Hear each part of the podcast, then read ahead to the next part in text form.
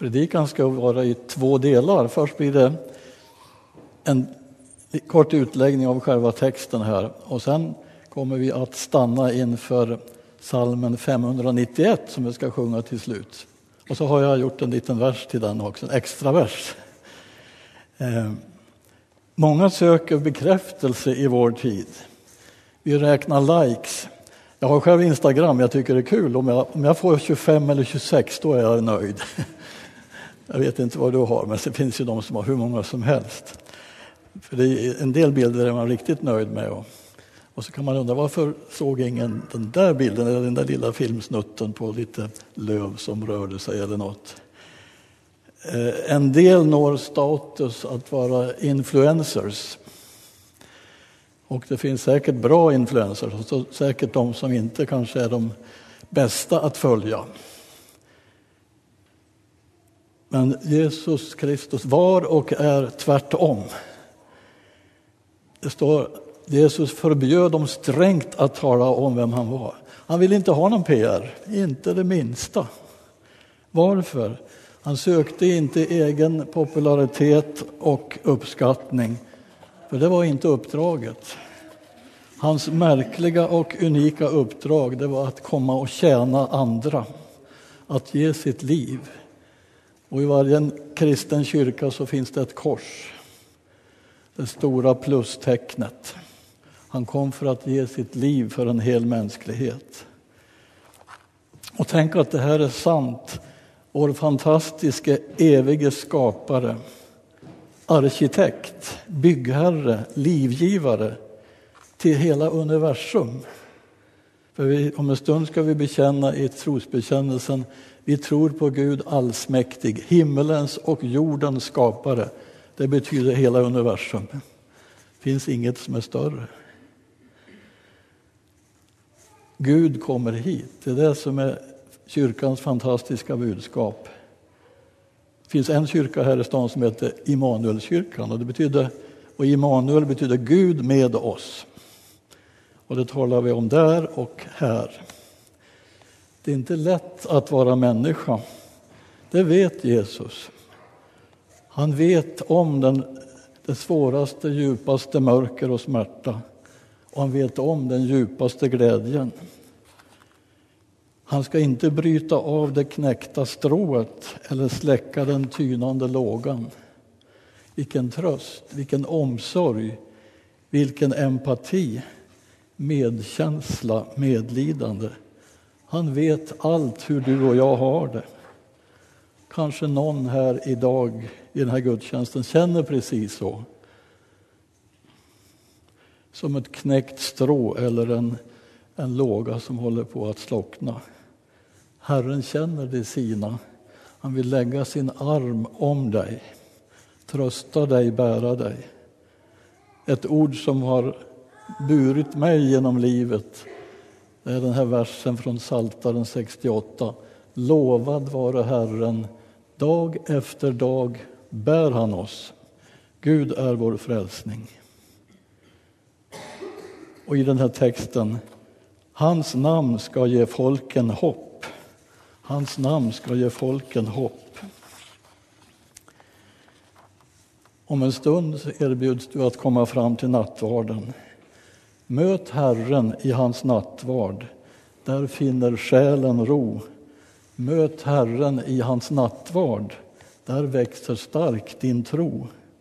Och gå i din längtans riktning. Jag tycker det är ett så fint uttryck, gå i din längtans riktning. Gud mäter inte tron. Ibland kan man höra någon som säger, ja men du har det bra, du som är präst, du måste ju tro mycket, jag tror bara så där lite. Men så är det inte. Vi, det handlar om längtan att vilja vara med. Och om man har svårt att tro så är det ändå i riktning mot ljuset. Då finns det de som inte vill tro, då blir det att, att vända sig bort från ljuset. Jag tänker idag efter vår gudstjänst, om du vill stanna kvar en stund, kom fram hit, vi får samtala, vi får be tillsammans. Det har betytt mycket för mig under åren att någon som lyssnar, någon som beder. Nu ska vi titta på den här sången, salmen. Slå upp 591. Nu ska vi ta en kort, kort genomgång av den.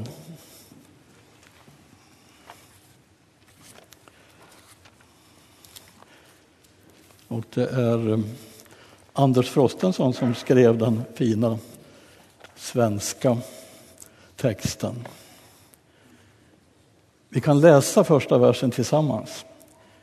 Det kan vi göra för rätt och för fred. Vi kan be och svara på vad andra ropar om och ber.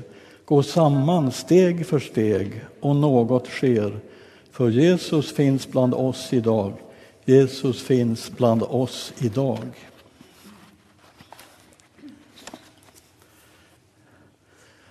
Här ute i foajén, så att säga, så finns det en tavla med en jättefin text.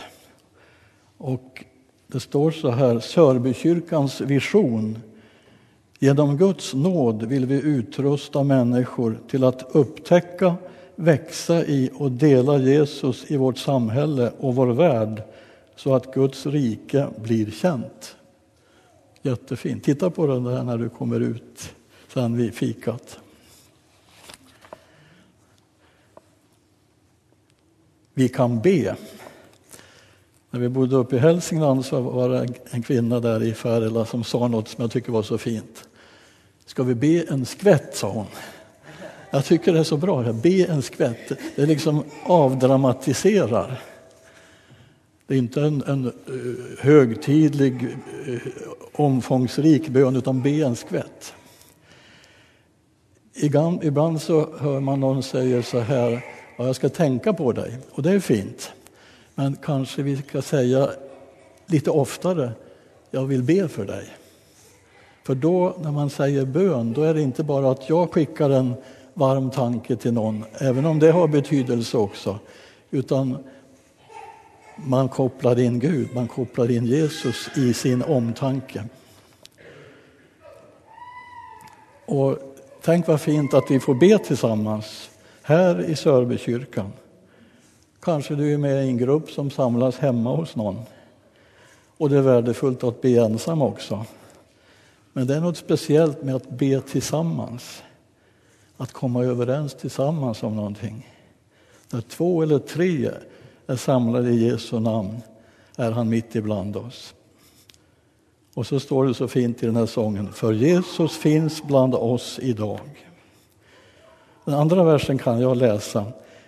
Det kan vi göra för rätt och för fred. Vi kan ge. Ett livets frö blir sått och lagt i jorden ner och skörd som vi ej ser en gång, det ger, för Jesus finns bland oss idag. En del säger så här, ja men det är bara en droppe i havet, det har ingen betydelse. Det har faktiskt betydelse. Jag tycker om en liten berättelse, du kanske har hört den. Det var en pojke som gick med sin pappa på en lång havsstrand. Och där hade vågorna sköljt in en massa snäckor.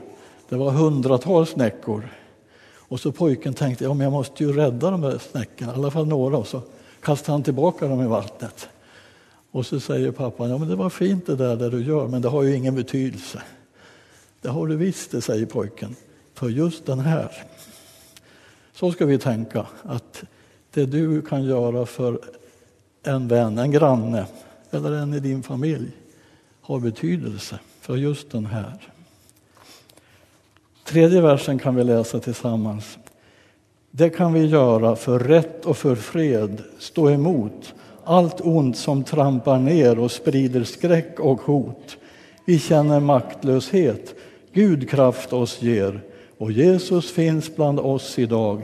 Jesus finns bland oss idag.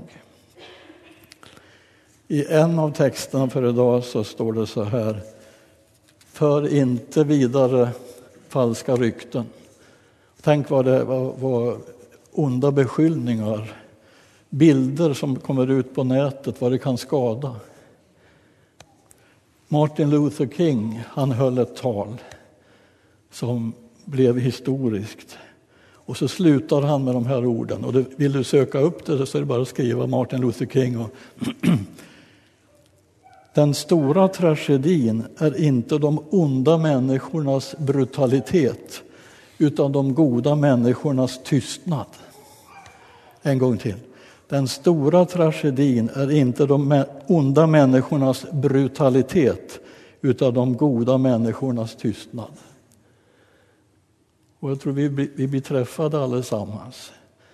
Men gode Gud, hjälp mig att inte vara tyst alltid utan våga stå upp. Det kan vara tufft. Men Jesus är vårt föredöme, han vill ge kraft. Och han var ingen dörrmatta. Han var ingen dörrmatta och det ska inte du och jag vara heller. Man ska inte låta någon trampa på sig. Och vi ska inte låta någon trampa på någon annan heller. Fjärde versen. Det kan vi göra för rätt och för fred, ha ett hopp. Rättfärdighetens sol för alla ska gå upp.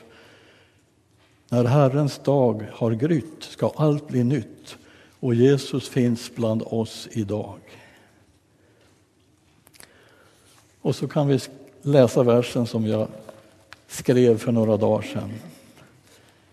Det kan du göra för rätt och för fred. Du kan le mot människor som finns och bor just där du är. Din blick, ditt leende ger värme, hopp. För Jesus finns hos oss idag. Jesus finns hos oss idag. Har du tänkt på det att om du ser någon som ler, det, man mår gott av den, eller hur? Min mamma hon hade lite små, små berättelser, jag kommer ihåg många av dem bara för att de var så korta. Och en var så här då, det var en pojke, som, vi kan säga flicka den här gången då, som eh, såg på en häst som såg lite nedstämd ut och så frågade den här flickan sin, sin mamma, är den där hästen kristen? Ja, det, det, var inte bra egentligen. Alltså ni förstår tanken. Ska, eh, suck och puss, det får det vara också, men eh, även om klagovisorna står i Bibeln och, och vi får klaga också, men, men vet du att det går åt många fler muskler att vara ledsen? Och eh, Per, du är ju läkare, det, det stämmer va? Väldigt jobbigt att vara ledsen. Det är mycket enklare att låta mun, mungiporna gå uppåt. Sen ser vi ju lite olika ut, så kan det vara. Och en del har lättare för att le än andra, men, men ett leende sprider sig och det har betydelse. Vi kan be och vi kan se och vi kan ge och vi kan le. Och Herren vill hjälpa dig och mig med det. Vi, vi ber en kort bön och sen ska vi stämma in i trosbekännelsen. Låt oss be. Herre, hjälp oss att vara medmänniskor, inte motmänniskor. Tack att det har betydelse hur vi är där vi finns. Vad vi vill ska hända när vi kliver utanför vår dörr. Hjälp oss att både se och be och ge och le. Herre, Herre, ta hand om oss var och en och hjälp den som känner sig svag och trött. Du vill börja på nytt i hans eller hennes liv. Tack Herre. I Jesu namn. Amen.